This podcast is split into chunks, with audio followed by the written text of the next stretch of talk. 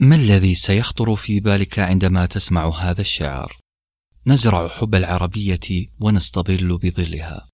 هل ستشعر أننا نهتم باللغة العربية كما يعتني الفلاح بأرضه وزرعه؟ نحن دار أشجار ونصنع الكتب والقصص للأطفال واليافعين والكبار. نصنع عوالم سحرية. يدخلها كل من يحصل على إحدى قصصنا. ونصنع وسائل لتعليم الأطفال اللغة العربية بالقصص والمرح. إذا كنت تبحث عن العربية للمتعة والتعلم فدار أشجار هي الإجابة. يمكنكم طلب إصداراتنا عبر موقعنا دار أشجار دوت كوم. البدايات.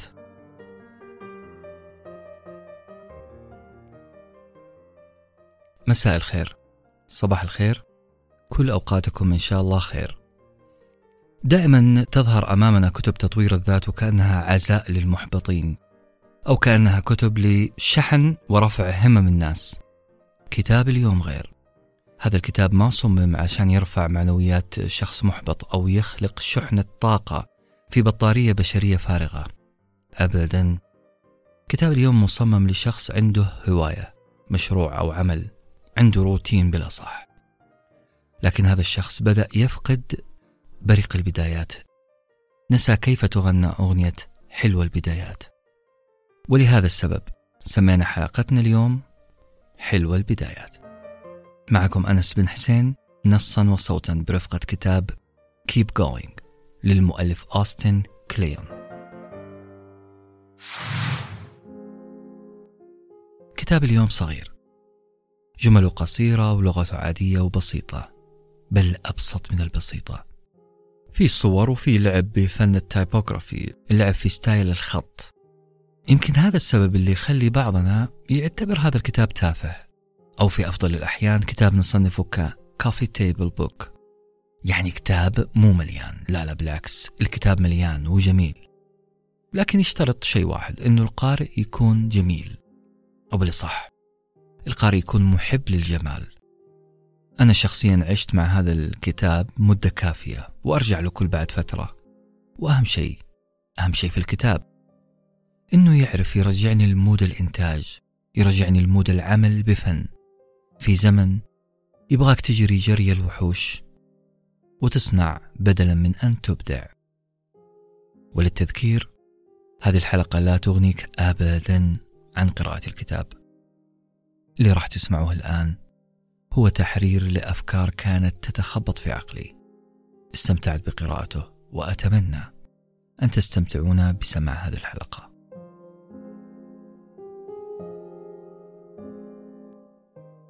في ليلة من الليالي شاهدت فيلم خيال علمي.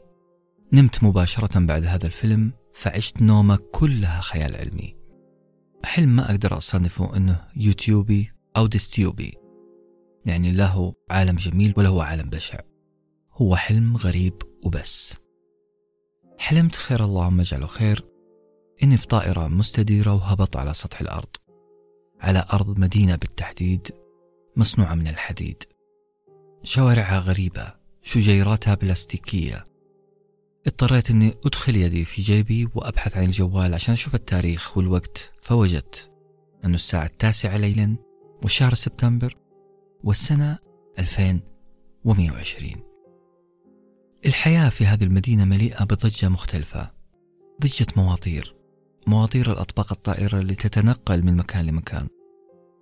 صحيح أني في حلمي كنت مستغرب من وضع المدينة لكن في نفس الوقت كنت مبهور ومعجب من بعض المظاهر فيها وأعتقد هذه هي طبيعة الأحلام. إحنا في الأحلام انتقائيين في تعاملنا مع الغريب والطبيعي. نزلت من المركبة في دهشة أبحث عن مطعم أبحث عن صيدلية أبحث عن محل ملابس. لا يوجد. كل الخدمات تقدم عن طريق الشباك كأنها خدمة الدرايف ثرو. وأخيرا لفتت نظري لوحة زرقاء مكتوب عليها بخط غير رسمي وباللغة الإنجليزية كبسولات نفسية. نعم نعم أعتقد أني أحتاج إلى جرعة إرشاد نفسي في هذا المكان الغريب. اللي لفت نظري فعلا إني وجدت تحت هذه اللوحة محل من النوع المألوف يعني واجهته زجاجية. بداخلها رجل لا يخلو من الوسامة. هذا الرجل جالس على كرسي ويقرأ كتاب أزرق أيضا. الرجل الوسيم بالداخل رفع رأسه وابتسم لي ابتسامة عريضة أعرض مما ينبغي. ضغط على زر بجانبه وأشار لي بالدخول. انفتحت جهة زجاجية فدخلت. بعد أخذ وجذب بيني وبين هذا الطبيب. وأنا ما قلت لكم إني اكتشفت إنه طبيب واسمه أوستن كليون وإنه مؤلف كتب لا يقرأها أحد وإنه يقدم الكتب على شكل كبسولات. طبعا. استغربت. كليون لحق نفسه وقال لي راح أختصر عليك الكلام يا صديقي. هذه الكبسولات من شأنها إنها تساعدك إنك تهضم الكتاب بشكل سريع. هذه هي سمة عصرنا الحالي. ولا تستغرب لأنه كل شيء تغير علينا.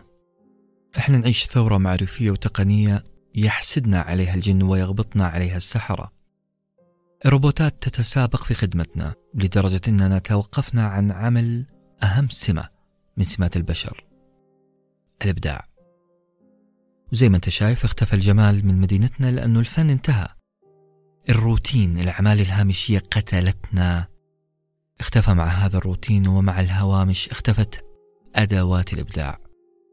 وصلنا المرحلة الصفرية من النفسيات لذلك. أنا أقدم هنا كبسولات. كبسولات بمثابة كتب. كبسولات عن الروتين. كبسولات عن أهمية القوائم. كبسولات عن الخلوة. ثم ابتسم كليون وبدأ الحديث عن مميزات كل كبسولة. في هذه اللحظة دخلت هلوسة جديدة دخلت حلم جديد. وجدت نفسي أتحدث وكأني كليون عن مجموعة الكبسولات اللي يقدمها.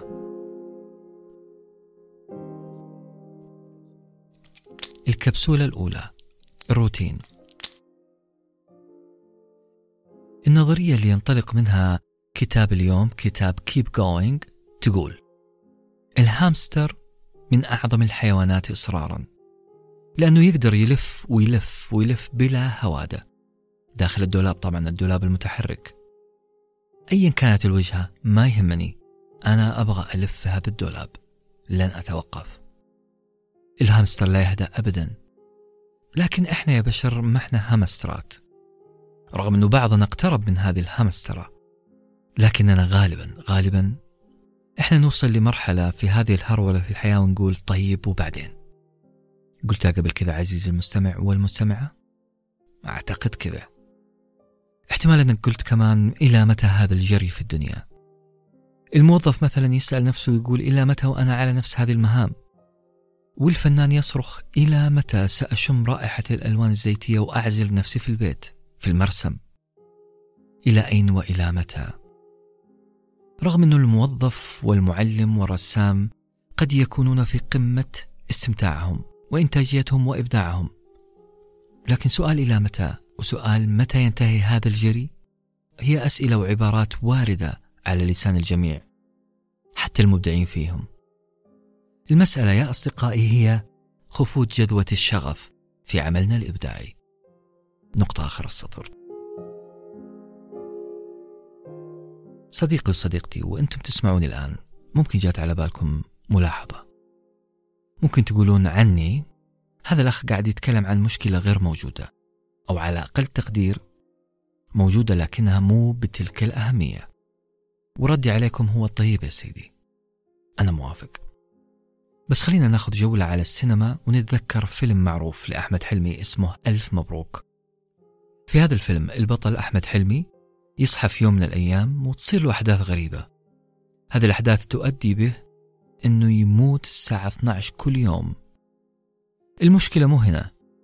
المشكلة أنه البطل يصحى اليوم الثاني ويتفاجأ أنه عايش نفس التاريخ حق اليوم اللي قبله.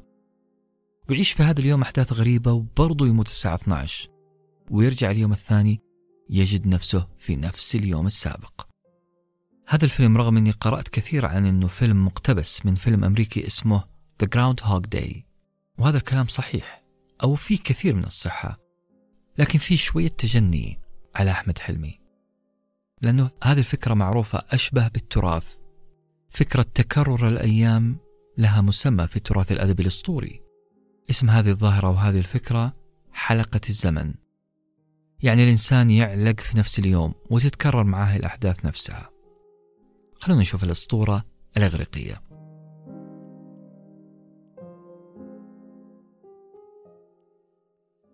الأسطورة الإغريقية سيزف تكلمت عن هذه الفكرة قبل حلمي وقبل هوليوود بآلاف السنين. سيزف استطاع أن يخدع إله الموت بطريقة ما. وهذا الشيء خلى كبير الآلهة زيوس. طبعا هذا الكلام في الأساطير الإغريقية. خلى كبير الآلهة زيوس يغضب ويحكم على سيزف بالعذاب الأبدي. لكن شوفوا نوع العذاب اللي استحقه سيزف. بيني وبينكم كان عذاب نفسي وجسدي لا يحتمل. حكم على سيزيف بأنه يدفع صخرة إلى أعلى الجبل وبمجرد أن يصل سيزف إلى قمة الجبل تتدحرج الصخرة لتسقط إلى نفس مكانها الأول. كل يوم روتين قاتل وأنا سؤالي لكم. ماذا لو كانت حياتك عبارة عن روتين يومي قاتل؟ اللي تمسي فيه تصبح فيه. ماذا يحصل لو نسيت نفسك في العمل وبدأت تدور في عجلة الدوران وكأنك هامستر؟ أو كأنك سازف يدفع صخرة لتصعد بها من أسفل الوادي كل يوم. ماذا لو تكررت معك الأيام وصارت مسمياتها مجرد اختلاف الحروف المكتوبة؟ مؤلم جدا. ماذا لو وجدت أن الرسم في حياتك تحول إلى دائرة تبدأ من نقطة تتحرك ثم تعود لنفس النقطة؟ ترسم نفس الوجه مرارا وتكرارا نفس الخطوات نفس الروتين نفس الصخرة اللي تدفعها فتتدحرج.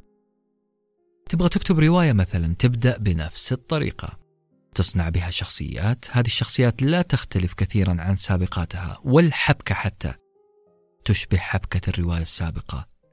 ألم شديد عشان كذا أقول بقلب جامد هذا الكتاب أعظم هدية ممكن تقدمها لنفسك لأنك حتساعد نفسك في الإجابة على سؤال مهم ماذا ستفعل لو تكرر عليك الروتين اليومي؟ كيف حتتصرف بالعربي؟ كيف تجدد روح الإبداع؟ كيف ترجع للبدايات الحلوة؟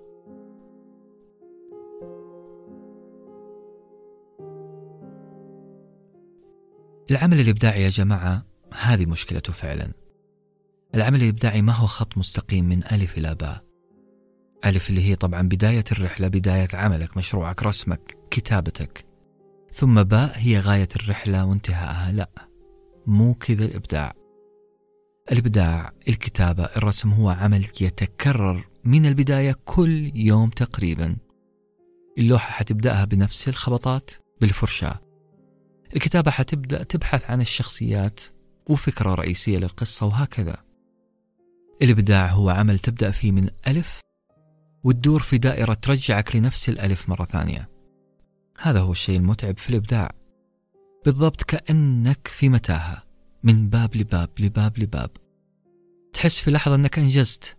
تفتح الباب الأخير فتجد نفسك في نفس المتاهة. وهنا نجي لأهم جملة في الكتاب. الفرق بين شخص ناجح متقد مشتعل وبين شخص ناجح قد ينهار في أي لحظة. أن الناجح المشتعل المتقد هو شخص خلق لنفسه سبب ليستيقظ من أجله كل صباح.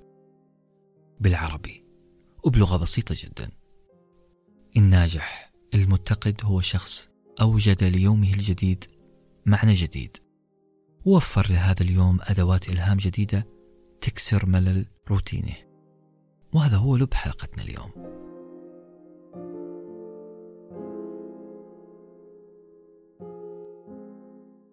فلويد مايوذر يقال إنه من أعظم الملاكمين التزاما بالتمارين. لو قلت لك زي هذه الجملة راح تقول لي طيب يا سيدي.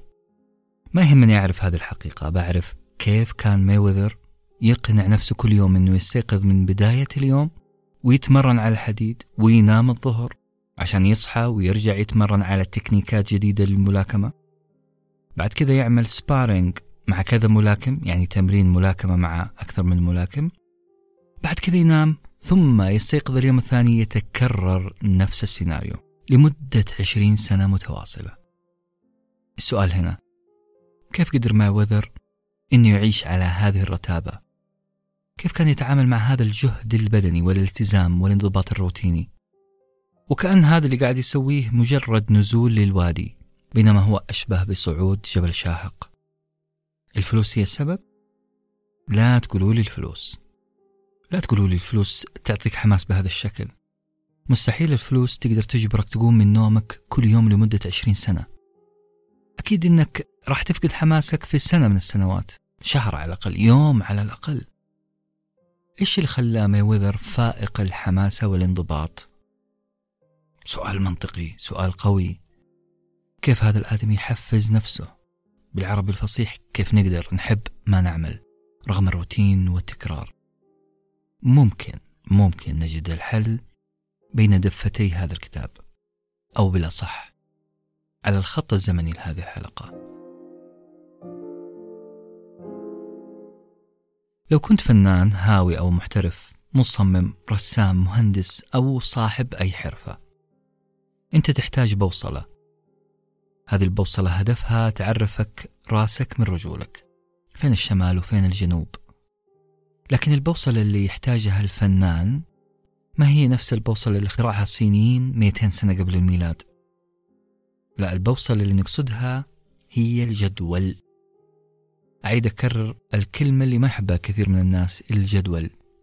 نعم رغم أننا هاجمنا الروتين في أول الحلقة فاكرين؟ لكن لازم نقول أنه لا غنى لنا عن الروتين.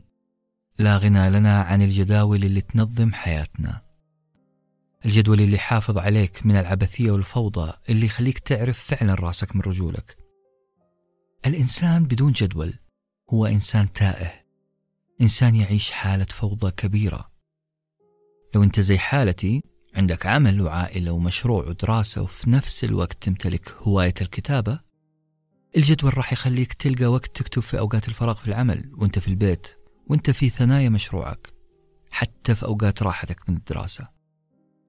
طبق هذا الكلام على الرسم على القراءة الحرة على التصميم على تعلم اللغات الكاراتيه إلى آخره. الجدول راح يعطيك وقت. الجدول راح يعطيك ساعات زيادة في يومك من دون أن تعلم كيف. لذلك أول خطوة لاستعادة الإلهام في حياتك للأسف راح أقولها أن يكون لديك جدول. ولما نقول جدول فأنا يا جماعة ما أقصد نفس جدول الثانوي اللي كلنا ما نحبه. اللي فيه الحصة الأولى كذا الحصة الثانية كذا إلى الثامنة. جدولنا غير. خلينا نسميها شعائرك اليومية الخاصة. Your Daily Rituals. وبالمناسبة كلمة Daily Rituals أو الشعائر اليومية. هذا اسم كتاب لمانسون كاري. هذا الكاتب اللي راقب الروتين اليومي ل 161 شخص كلهم يعملون في مجال الإبداع. ولقى بينهم عنصر مشترك. أتمنى يكون عندي وعندك. هذا العنصر المشترك أنه كلهم عندهم شعائر يومية.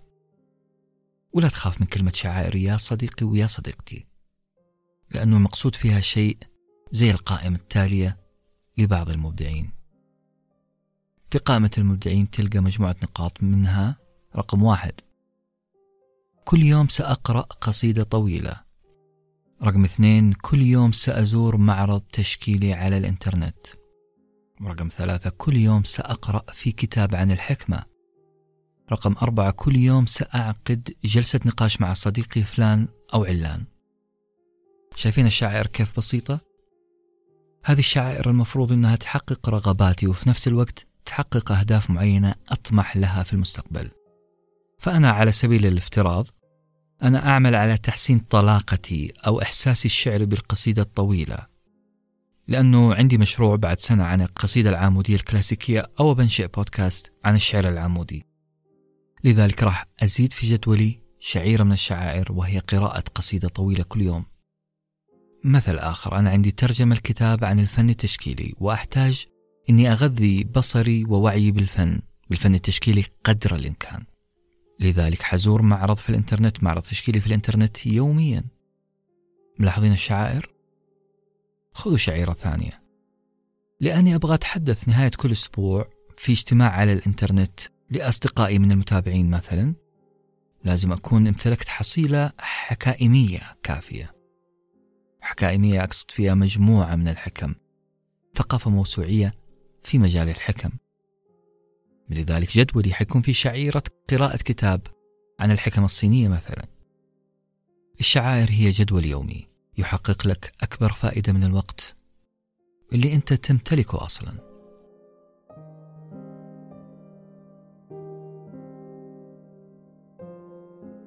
صديقي وصديقتي أعلم بأن كل واحد فينا له طبيعة متفردة. كل واحد عنده أهدافه المختلفة عن أي إنسان آخر. لكن ما نقدر ننكر أننا نقدر نستفيد من تجارب بعض. وعشان هذا الشيء خلقت لنا عبارة مثل أعلى أو نموذج أو أيقونة أو رمز. إحنا نطلق هذه المسميات مع تحفظنا على استخدامها. إحنا نطلقها ونستخدمها عشان نصف شخصية برزت بسبب التزامها بعادات معينة. لأنه صناعة عاداتك ستصنعك. العادات اللي أنت تختارها اليومية الشعائر اليومية هي اللي حتصنعك. لا يمنعك أحد ولا يوهمك أحد بأنه هذه هرطقة بأنه هذه قتل للشخصية أبدا. لا يمنعك أحد بأنك تستأنس بقراءة عادات وهوايات الكتاب المشاهير. شوف إيش كانوا يعملون يوميا. ما هي شعائرهم كل يوم ليصلوا لما هم عليه. مثلا أنا أتذكر والعهدة على ذاكرتي الضعيفة أنه مالكوم إكس الخطيب المفوه الأمريكي واللي عباراته كانت كالرصاص على أسماع الأمريكيين وكان صاحب تأثير كبير جدا في أكبر عدد ممكن من الناس. مالكوم إكس هذا الرجل اللي كتم طويلا طائر الحرية في قفصه الصدري ليطلق هذا الطائر لاحقا على أسماع البشر.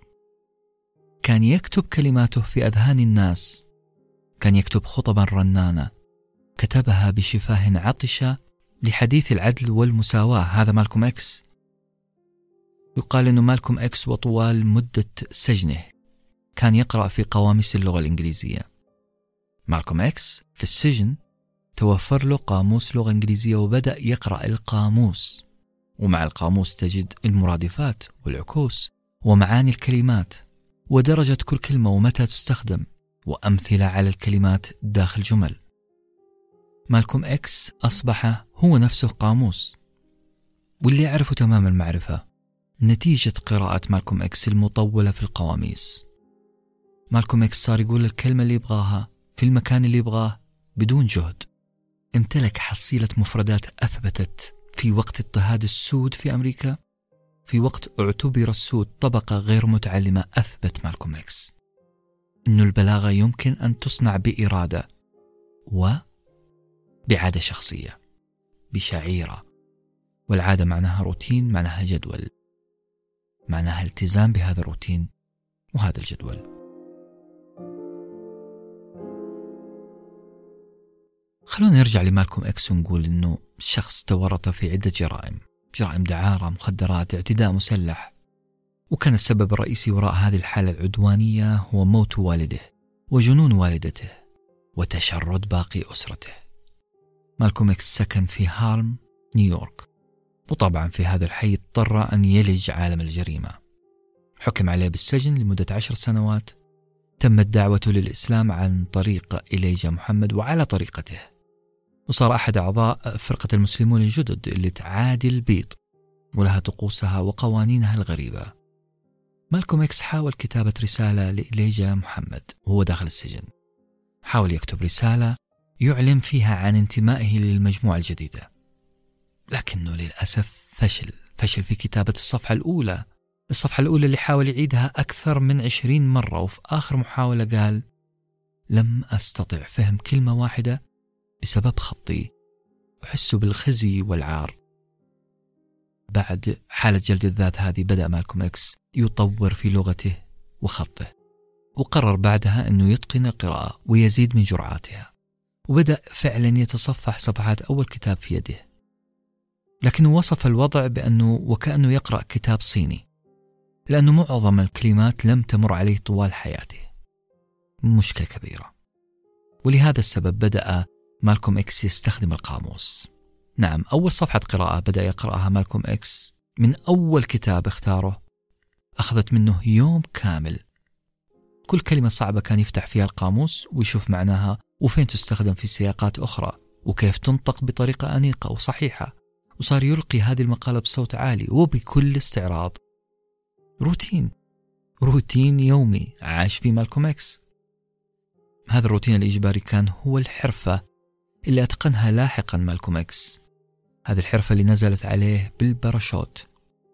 من شخص لا يتقن إلا التحرش بالمارة إلى خطيب بارع وكاريزما متحدث. يتحرش بعقول الناس. شخص لا يشق له غبار في الخطابة. كان مالكم إكس بالنسبة للكلمات كأنه ضيف مرحب فيه أمام مائدة أو بوفيه مفتوح. ينتقي من هذا البوفيه ما شاء من الأطباق. تشكيلة مفردات من هنا إيقاعات كلامية من هنا استعارات ارتجالية من هنا. يقول مالكم إكس في استعراض باذخ لبراعته اللغوية ومع اعتذارنا على اللغة القاسية اللي تظهر شكل من أشكال العنصرية لكن لابد نحط في الاعتبار السياق اللي عاش فيه مالكم إكس. وحنتكلم عن مالكم إكس أكثر وأكثر إن شاء الله في حلقة منفصلة عن براعته اللغوية. يقول مالكم إكس في خطبة ألبس كلماتها ثوبا بلاغيا وأرقصها بإيقاعات مؤثرة على أي سامع. قال أن تكون مجرما في الماضي. هذا ليس عارا. أن تبقى مجرما هذا هو العار. أنا كنت مجرما سابقا ولا أشعر بالخجل من ذلك. لا يمكن لأحد أن يهددني بذلك أبدا. إنهم يستخدمون العصا الخطأ في تهديدي. أنا لا أهتم ولا أضع اعتبارا لهذه العصا. لو كان عيسى موجودا اليوم هنا في أمريكا فلن يذهب إلى الرجل الأبيض. الرجل الأبيض هو الظالم. سوف يذهب إلى المظلوم. سوف يذهب إلى الذليل. سوف يذهب إلى من يسمونه الأمريكي ال Negro وفي خطبة أخرى قال مالكم إكس كلمة رنانة كالرصاص فعلا يقول وأنا هنا أقتبس أنا لا أخاف من قول الحقيقة لماذا تخافون؟ هل تخافون إذا وضعكم الرجل الأبيض في السجن؟ فما هو الجديد؟ إذا كنت شخصا أسود فأنت أصلا مولود في السجن نعم نعم إذا كنت أسودا فقد ولدت أصلا في السجن الأمريكي في الولايات الشمالية كما في الولايات الجنوبية. توقفوا عن الحديث عن عنصرية الولايات الجنوبية فقط لأن كل ما يقع جنوب حدود كندا فهو جنوب وهو عنصرية. معلش أصدقائي رحنا بعيد في الكلام عن مالكوم إكس والسبب كلامنا عن شعائره اليومية الروتينية وهنا نجي للجملة الأهم في هذا المقطع. صحيح أنه بعض السير الذاتية راح تلهمك في تبني بعض العادات اللي تساعدك على الكتابة مثلا. لكن المسألة تبقى شيء خاص فيك. الفكرة مو أنك تتقيد بنماذج لكتاب ومشاهير ولا أنت راح تورط نفسك فعلا. لأنه بعض المشاهير عندهم عادات غريبة. منهم كافكا اللي كان يهرب من زوجته ويبدأ في الكتابة. أما لازاك فكان يشرب ما يقارب خمسين كوب قهوة في اليوم وهو يكتب. جوتا كان يحب رائحة التفاح المتعفن وما يمخمخ في الكتابة إلا على عبق هذا التفاح المتعفن. ستاينبيك كان يبري 12 قلم رصاص قبل ما يكتب أي حرف. بالعربي مو لازم تحب رائحة التفاح المتعفن عشان تكتب روايتك. مو لازم تخسر لك 12 قلم رصاص عشان روح الإلهام تجيك. بالعربي اكتشف روتينك بنفسك اكتشف مزاجك في ممارسة عملك الفني. ولا تخجل أبدا من هذه الطقوس لأنه لو مارك توين الكاتب الأمريكي لو خجل من عاداته في الكتابة لما كتب أي شيء. لأنه مارك توين ما كان يعرف يصيد الكلمات الرنانة إلا وهو مستلقي على السرير. يعني نقدر نصنفه بأنه كاتب أفقي وليس عمودي. وأنا هنا ما أبالغ في الوصف لأنه فعلا في كتاب ما عندهم قدرة على الكتابة إلا وهم عموديين. أو بالأصح واقفين على رجولهم وفي أيديهم الورقة والقلم. منهم الأمريكي هيمينغوي والإنجليزي ديكنز أما دان براون الروائي اللي قلب رؤوس القراء برواية Da Vinci Code فهو بنفسه قلب راسه أثناء الكتابة. وهذا الكلام حرفي لأنه كل ما انسدت أفكار براون عن الجريان وجف قلمه عن الحركة استلقى بالمقلوب. وعلى كلامه عن نفسه إنها هذه طريقة تساعده في الخروج من متلازمة الصفحات البيضاء. عموما ما شجعك الحركات البهلوانية إلا لو كانت فعلا مصدر إلهامك. استكشف إلهامك بنفسك كيف ومتى وأي وضعية تحفز إبداعك. اسأل أسئلة أكثر عمقا زي مثلا كيف أقدر أوفر وقت من يومي؟ إيش ممكن أحذف من جدولي الحالي؟ هل عندي أشياء أتفائل بها وأعتقد أنها تعطيني إحساس بأنه هذا هو الوقت المناسب للكتابة؟ يعني مثلا تذكر متى في يوم من الأيام انطلقت في كتابة مقال وما رضيت توقف. إيش الظروف اللي كانت محيطة فيك؟ إيش الروائح اللي كانت موجودة؟ إيش المود؟ كيف كان الجو؟ إيش مارست قبلها؟ قابلت مين قبلها؟ هذا الكلام يا جماعة ينطبق على كل مهارة مو بس الكتابة. المسألة كلها ملاحظة ملاحظة نفسك دراسة نفسك وهوب حتقدر تصمم شعائرك كما تناسبك أنت.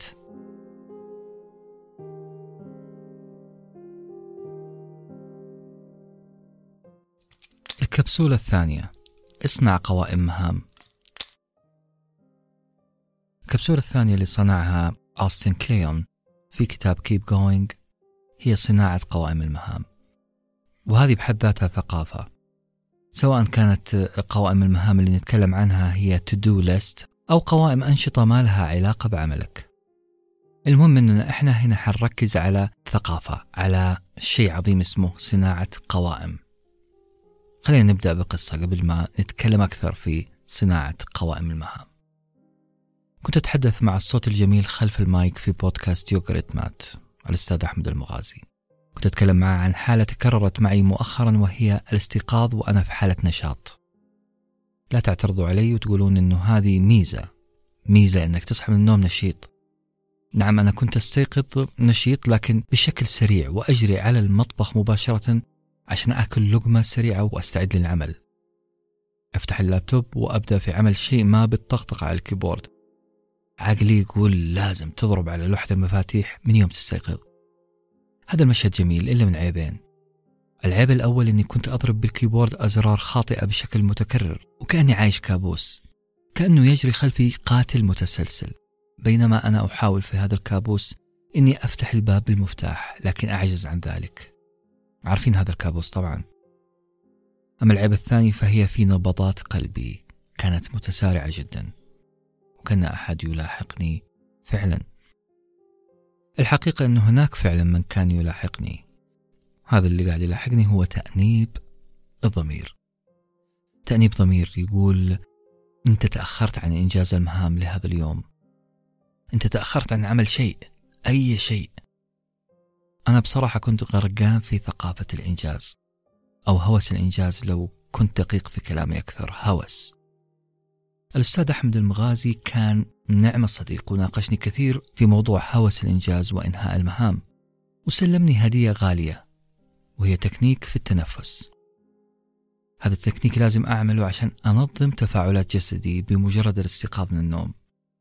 ومع هذا الحل اكتشفت حل آخر حل تكميلي مهم لأي إنسان أغرق نفسه في العمل. وبالمناسبة هذا مو عيب أنك تغرق نفسك في العمل لكن المشكلة في فشل عملنا هو تفويض المهام. أنا الحل اكتشفته في كتاب اليوم من خلال سطر واحد فقط. لا بصراحة هي كلمتين فقط. اعمل قوائم.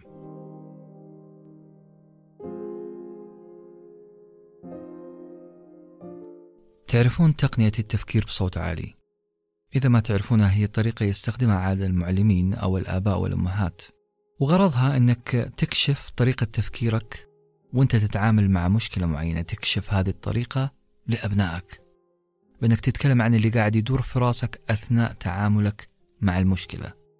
والهدف بالتأكيد هو عرض نماذج تفكير لأولئك الصغار عشان يعرفون يتعاملون مع المشاكل. الأب مثلا يتحدث عن ما يدور في باله بصوت عالي أثناء قيادة السيارة عشان الولد يتعلم طريقة التفكير والاحتياطات الصامتة اللي عادة ما يعملها أبوه خلال القيادة. معلم اللغة الإنجليزية برضو بيفكر بصوت عالي أو يتكلم عن ما يدور في ذهنه أثناء قراءة قطعة مثلا باللغة الإنجليزية. من خلال الصوت العالي من خلال الكلام الواضح الطالب راح يعرف ماذا يدور في عقل المعلم خلال قراءته للقطعة. هو شيء زي التعليم بالمحاكاة. التفكير بصوت عالي تعليم بالمحاكاة. يكشف ما بداخل عقول المختصين والخبراء. نفس الشيء تعمله معك المهام. عمل المهام هو كشف حساب واضح لبكرة. بدل ما تقعد الأفكار في راسك مكتومة أنت تصرخ بها على الورق. أنت ترتب المهام المكركبة اللي لازم تخلصها بكرة. بدون ما تدون المهام قبل نومك أنت راح تنام بشكل قلق وحتستيقظ فزع. لذلك الحل أؤكد لك أنه في عمل قوائم المهام. عارف أهم شيء في قائمة المهام؟ إنها تصنع من يومك نفق ضيق. وهذا وصف غريب لكن أجده صادق فعلا. المهام الشريرة في يومك تصطف محاولة الوصول لك. تخيلها على شكل وحوش أو محاربين قدامى كل واحد شايل سيفه. كل واحد يحاول يصطادك من جهة. عشان تقدر تتعامل مع هذا العدد الكبير من الوحوش اعمل نفق ضيق. عشان كل وحش فيهم يجيك لوحده واحد كل مرة. راح يصطفون محاولين الوصول لك. المهام نفس الشيء المهام الشريرة تحاول أنها تنال منك من كل جهة وفي كل وقت. اصنع لها نفق ضيق وراح تجدها مباشرة مصطفى في طابور واحدة ورا الثانية. أنت ما راح تبارز عشرين فارس ملثم من كل الجهات ما راح تبارز عشرين مهمة في نفس الوقت. انت راح تبارز شخص واحد مكشوف الوجه واحد تلو الآخر. هذا أسهل كثير نعم. المهام المرتبة بالأولويات راح تسهل معك التعامل معها. ما راح تخليك تكره الروتين ما راح تخليك تشعر بأنك خايف من شيء. ما راح تخليك تستيقظ وأنت مفزوع. قائمة مهام يعني أنه كل يوم عندك مهام محددة وواضحة. وقابلة للتحقيق.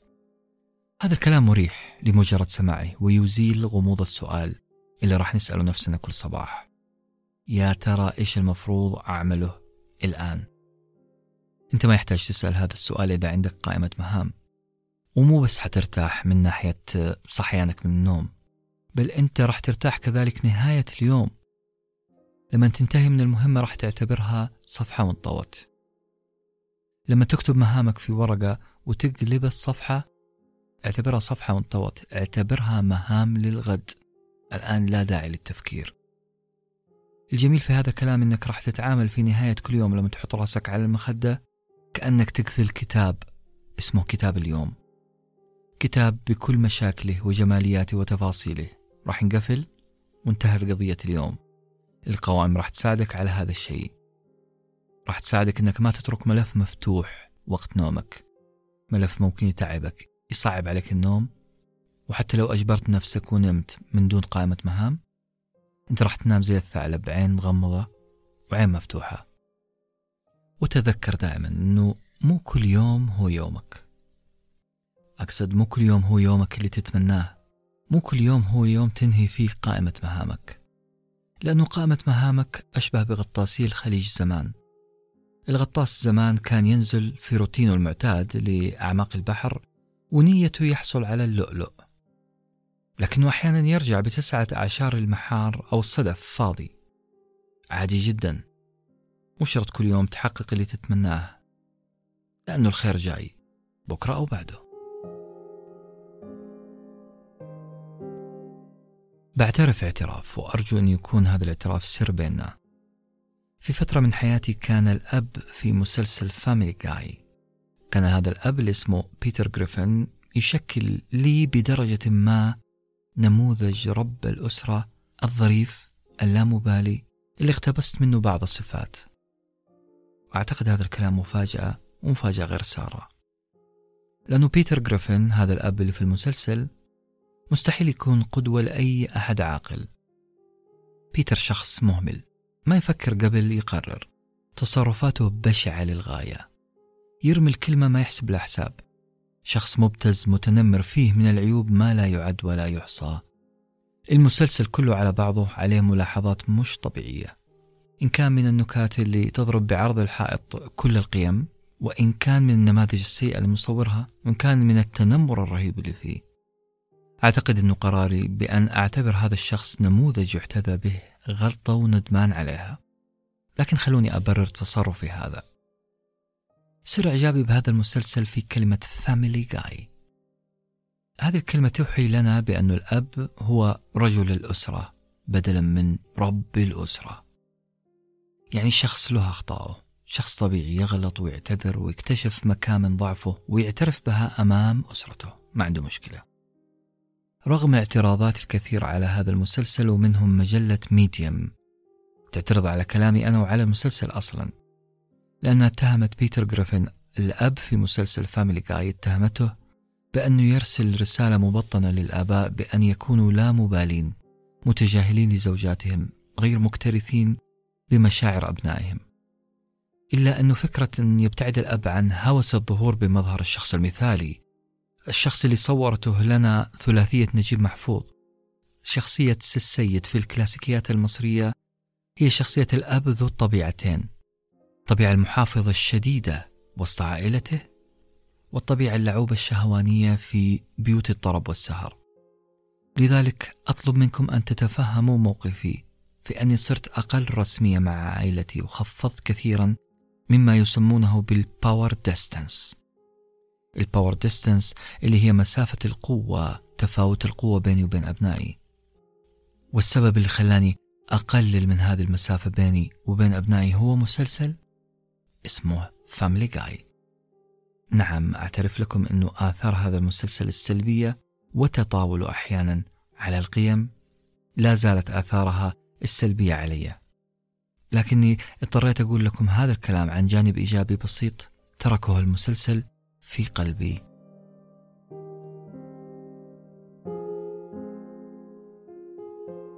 قبل شوي تكلمت عن ال power distance وهي مسافة القوة أو التفاوت في القوة بيني وبين أبنائي أو أفراد عائلتي. أنا حاولت أخفض المسافة بيني وبين أفراد العائلة. هذا الشيء جعل مني شخص يستمتع بكسر الروتين مع عائلته. لذلك بدأت أطبق معهم إعداد قوائم كثيرة فيها أنشطة مشتركة نكسر فيها الروتين مع بعض. زي لعب الشطرنج مثلا. نحب نعيش مع بعض فترة آه، نلعب فيها أدوار شخصيات أرستقراطية. نتكلم عن التكتيك واستراتيجيات اللعب في الشطرنج. عن طرق استدراج الخصم. عن التحايل بشكل برستيجي كبير. وهكذا. من ضمن القوائم الغريبة اللي عملتها مع عائلتي لسد هذا الفراغ بيني وبينهم هو أننا تعودنا على عقد جلسة تحليل عمل فني كل أسبوع. أنا لا أدعي المثالية هنا رغم أنه كلامي يدعي المثالية. لكن حاب أقول أنه عندي أنشطة عائلية وعشان أكون واقعي أنا عندي أنشطة كذلك فردانية. نعم أنشطة فردانية يومية تقريبا. أستمتع فيها لوحدي مثلا. كل يوم أسجل في مذكرتي الشخصية سواء الورقية أو الإلكترونية مجموعة من المجازات من الصور الشعرية. هذه الصور الشعرية تساعدني أني أصور كلامي وأنا أتكلم بطريقة أكثر بلاغة أكثر جمالا. عندي نوتة ضخمة أسجل فيها من أعمال الكتاب المعروفين بعض استعاراتهم ومجازاتهم وأقضي نص ساعة على الأقل في اللعب بهذا المجاز. عشان أخترع شيء يضاهي هذا المجاز وغالبا ما أفشل لكن أستمتع باللعب وأستفيد. أحب أن أكافئ نفسي كذلك كل يوم بكوب قهوة مخصص special هذا الكوب غير عن باقي الأكواب. ما بالغ لو أقول أنه كوب قهوة يشرب بتركيز شديد. يزين صحن هذا الكوب قطعة بسكويت بهدف كسر روتين القهوة وكسر مرارتها أحيانا. وفي قائمة أعمالي الفردانية أني كل يوم أقضي ساعة في مكان مكشوف السطح. أتأمل في السماء سواء كان لونها زرقاء فاتحة أو سوداء. أتحين الفرصة لاصطياد النجوم ومراقبة لمعانها. في نهاية كل شهر. لأنه حينما يخجل القمر ويتوارى تتجرأ النجوم وتجهر بنورها. وعلى فكرة هذه الأنشطة ما أسويها ارتجال. هي أنشطة كتبتها في قائمة. بعض عناصر هذه القائمة لازم يصير يوميا لأن العمل هذا يجلب لي سعادة لا أعلم سببها أو لأنها تكسر لي روتين مزعج بعض الشيء.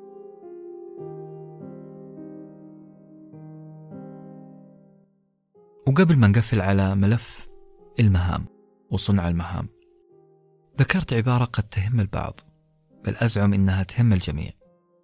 العبارة هي power distance. هذه العبارة مهمة لكم خاصة لو كنتم طلاب وطالبات قسم اجتماعيات أو لغويات تطبيقية. ال power distance هي كلمة معناها المسافة بين الأعلى سلطة والأقل سلطة بين المدير والموظف بين الأب والابن بين رجل الدين والشخص المتدين وهكذا. المسافة بين أعلى سلطة وأقل سلطة. في العلوم الاجتماعية يتم دراسة مقارنة بين المجتمعات وتصنيف هذه المجتمعات. على أساس إيش؟ على أساس مسافة القوة أو مسافة السلطة بين الطرفين. فمثلا في أستراليا هذه المسافة ضيق جدا بين الطرفين بينما في آسيا وهونغ كونغ بالتحديد. المسافة تبعد بينهم بشكل فلكي. وبالطبع لكل نموذج من الاثنين ميزاته وعيوبه إلا أننا نتفق أنه خلق مسافة قوة أو سلطة هو شيء مهم للغاية لسبب الهيبة. هيبة المحكمة على سبيل المثال هي موضع اعتبار عند كل الشعوب كل الشعوب تحترم القضاء. القاضي لابد أن يكون في مسافة بينه وبين الباقين. لذلك من طقوس المكان اللي يجلس فيه القاضي أنه مرتفع قليلا عن عامة الناس والهدف واضح خلق هيبة للقضاء. الملابس المخصصة لرجال الدين برضو فيها نوع من خلق المسافة بينه وبين الآخرين. هدفها خلق شكل من أشكال الهيبة في قلب المريدين. لذلك تجد رأس رجل الدين في معظم الطوائف الدينية رأسه أكبر من رؤوس الناس. يرتدي قلنسوة ضخمة مثلا أو تاج وهكذا. كلها تعطي إيحاء بالهوة الكبيرة بين صاحب السلطة والآخر. ولا زلت أتذكر دهشتي وأنا أنطق اسم دكتور الجامعة في مدينة ليستر باسمه بدون سير أو بدون مستر أو بدون يا مولانا. وهذا الشيء عملته لأنه بطلب منه هو شخصيا. أعتقد هذه كانت سياستهم في تقريب المسافة بين الطالب والطاقم التدريسي؟ نعم أعتقد ذلك لأن قسمي كان يقدم برنامج اللغويات التطبيقية وكان أول درس. تعلمته هناك أنه تقريب المسافة بين الدكتور ذو السلطة العليا والطالب الأقل سلطة يبدأ من اللغة واستخدامها. نفس الشيء فوجئت فيه بأول رسالة تصلني للسكن من بلدية ليستر.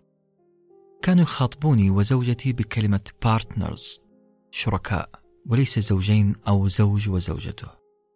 الهدف من كلمة partners هو كسر دلالات كلمة زوج اللي فيها نوعا ما امتلاك للزوجة وسيطرة على قرارات هذه العائلة المقدسة أصلا عشان تصير شراكة. كل طرف في هذه العلاقة له الحق في وضع بنودها. وأنا هنا برضو ومرة ثانية ما أحكم لا مع ولا ضد هذا النوع من تقريب المسافة بين الطرفين. وما وصلت أصلا للمعادلة المناسبة اللي تسمح لي أني أكسر هيبة الطرف الأقوى وأمنح الجرأة للطرف الأقل. أنا بالعربي لا أعلم إلى الآن مدى صحة تقريب المسافة بيني وبين أبنائي. لذلك أتعامل مع هذا المفهوم بحذر ولذلك ذكرت لكم قصة بيتر جريفن و Family Guy. الشاهد بعد هذه اللفة الطويلة العريضة. اصنع قائمة روتينك ثم قائمة بأنشطة تكسر هذا الروتين. عيش حياة أكثر ترتيب وإلهام باستخدام القوائم. وأعتقد كمان تقدر تاخذ شوية إلهامات من ال 16 نشاط اللي اقترحناها لكسر الروتين في آخر دقائق هذه الحلقة. تقدر تسمعها إذا حبيت في آخر الحلقة.